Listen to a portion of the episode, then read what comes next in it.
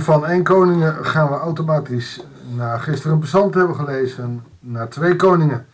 En we gaan eigenlijk in hetzelfde ritme door. Je zou van één en twee koningen zo één boek kunnen maken. Geen verschil. Gewoon habitat. Dwars. Maar goed, we beginnen maar met twee koningen 1. Waarin we doorgaan met de opvolger van Agab, Agasja. Een man die niet deed wat goed was in de ogen van de Heer. We beginnen dit boek ook weer negatief. We zullen ook zien wat er gebeurt als je vreemde goden aanroept. En wat God ervan vindt. Goeiedag, hartelijk welkom bij een nieuwe uitzending van het Bijbels Dagboek. Zoals gezegd, 2 Koningen 1, de versen 1 tot en met 18. Na de dood van Agab kwam Moab tegen Israël in opstand. Gasja was uit het venster gevallen van een vertrek op de bovenverdieping van het paleis in Samaria en zwaar gewond geraakt. Stuurde bode uit met de opdracht Baal Zebub, de god van Ekron, te beraadplegen. Vraag hem of ik mijn val zal overleven. De engel van de Heer zei tegen de tisbiet Elia, ga de bode van koning van Samaria tegemoet en zeggen u gaat Baal Zebub, de god van Ekron, raadplegen, alsof Israël zelf geen god heeft. Daarom zegt de Heer, zul je niet meer van je ziekbed opstaan, maar sterven. En Elia deed wat hem gezegd was.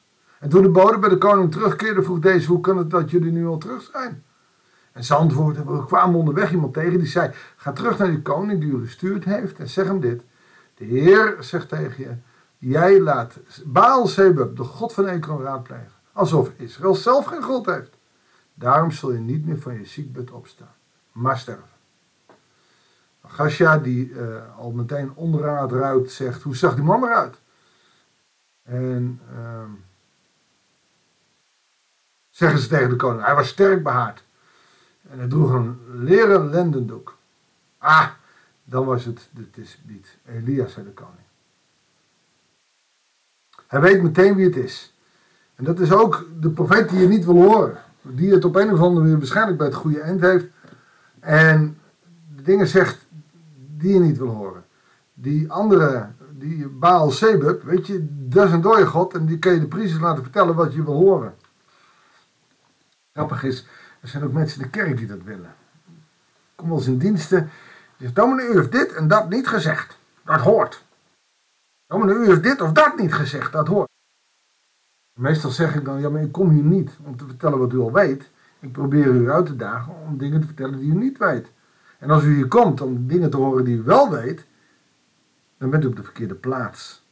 Voor veel mensen, zeker ook in traditionele zin, is de kerk een plek waar je hoort wat je altijd hoorde. Lekker koesteren wat we al wisten. Terwijl de Bijbel vol is van nieuwe dingen. En dat is eigenlijk hier ook zo. We willen die nieuwe dingen niet horen, omdat die in deze tijd misschien wel eens anders te verstaan zijn dan in, in de vorige tijd. En toen hadden ze het goed, maar ook nu heb je het goed. De Heilige Geest werkt ook nu.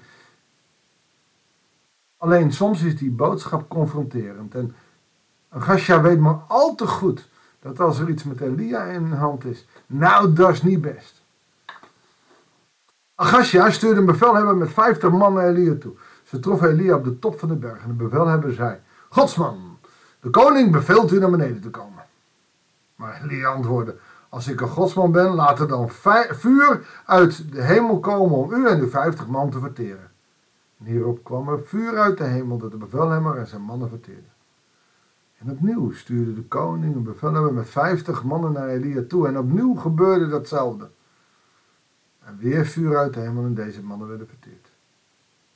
En voor de derde maal stuurde de koning een bevelhebber met vijftig man. En toen de derde bevelhebber bij Elia kwam, knielde hij voor hem neer en smeekte.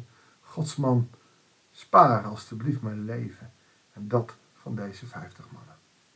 Ik weet dat er vuur uit de hemel is gekomen, dat de vorige twee bevelhebbers hun mannen hebben maar alstublieft spaar mijn leven.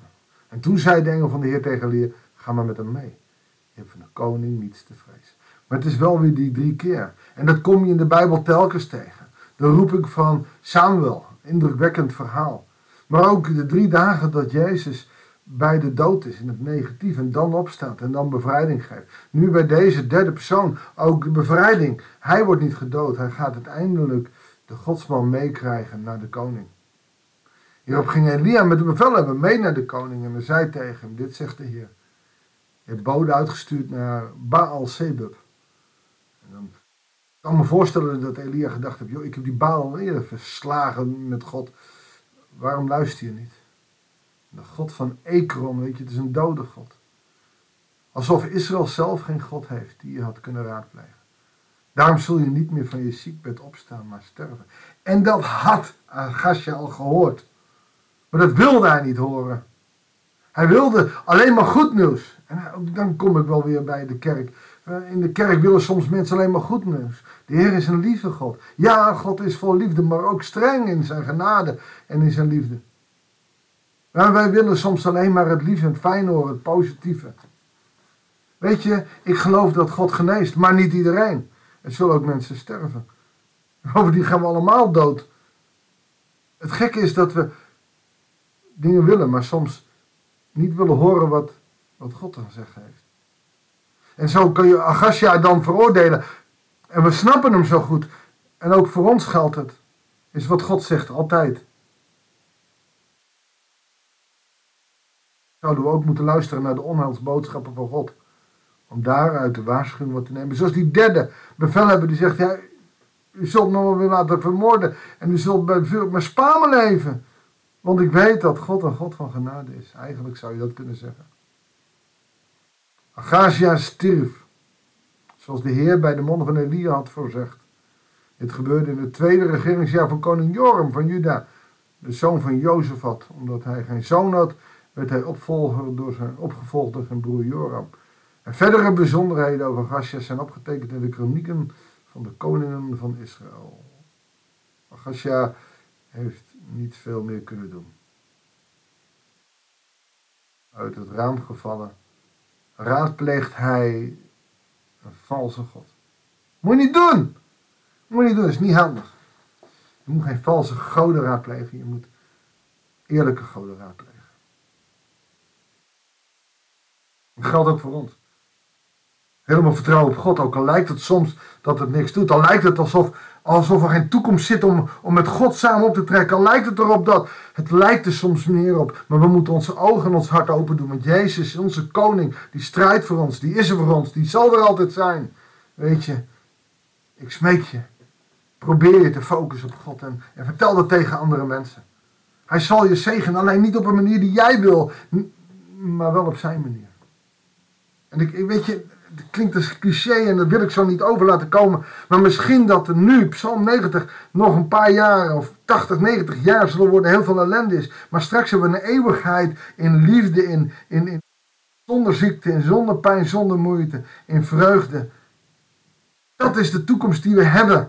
En, en, en, en niet alleen dat, want dat zou te makkelijk zijn, maar ook hier en nu kan God verlossing geven, ook in de ellende. En dat betekent niet dat alles meteen over is, maar zal je kracht en rust geven.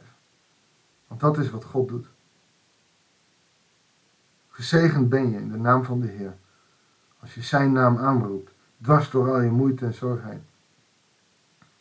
Ook dwars door je drukte heen. Als je te druk hebt voor God, hou het niet bij deze 10 minuten. Zorg dat je meer tijd voor God hebt. Of na elke podcast die je luistert, weet je, ga in stille tijd en ga bidden.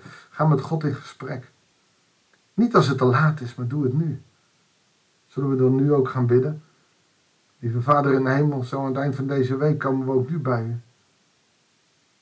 We willen niet eindigen zoals Agasja. We willen niet eindigen zoals de bevelhebbers, Heere God. We willen misschien wel zijn als die derde bevelhebber. U, u bent liefde, maar ook streng en, en, en rechtvaardig. En u kunt ons zo met een bliksemschicht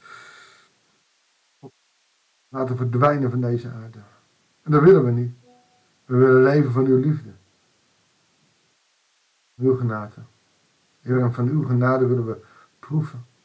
Help ons door de kracht van uw Heilige Geest om, om ons op u te richten en afhankelijk te kunnen zijn van u. Dat bidden we u in Jezus' naam. Amen. Dankjewel voor het luisteren. Ik wens je God zegen, zijn nabijheid, zijn rust en zijn kracht voor dit weekend. En heel graag tot de volgende uitzending van het Bijbelsdagboek.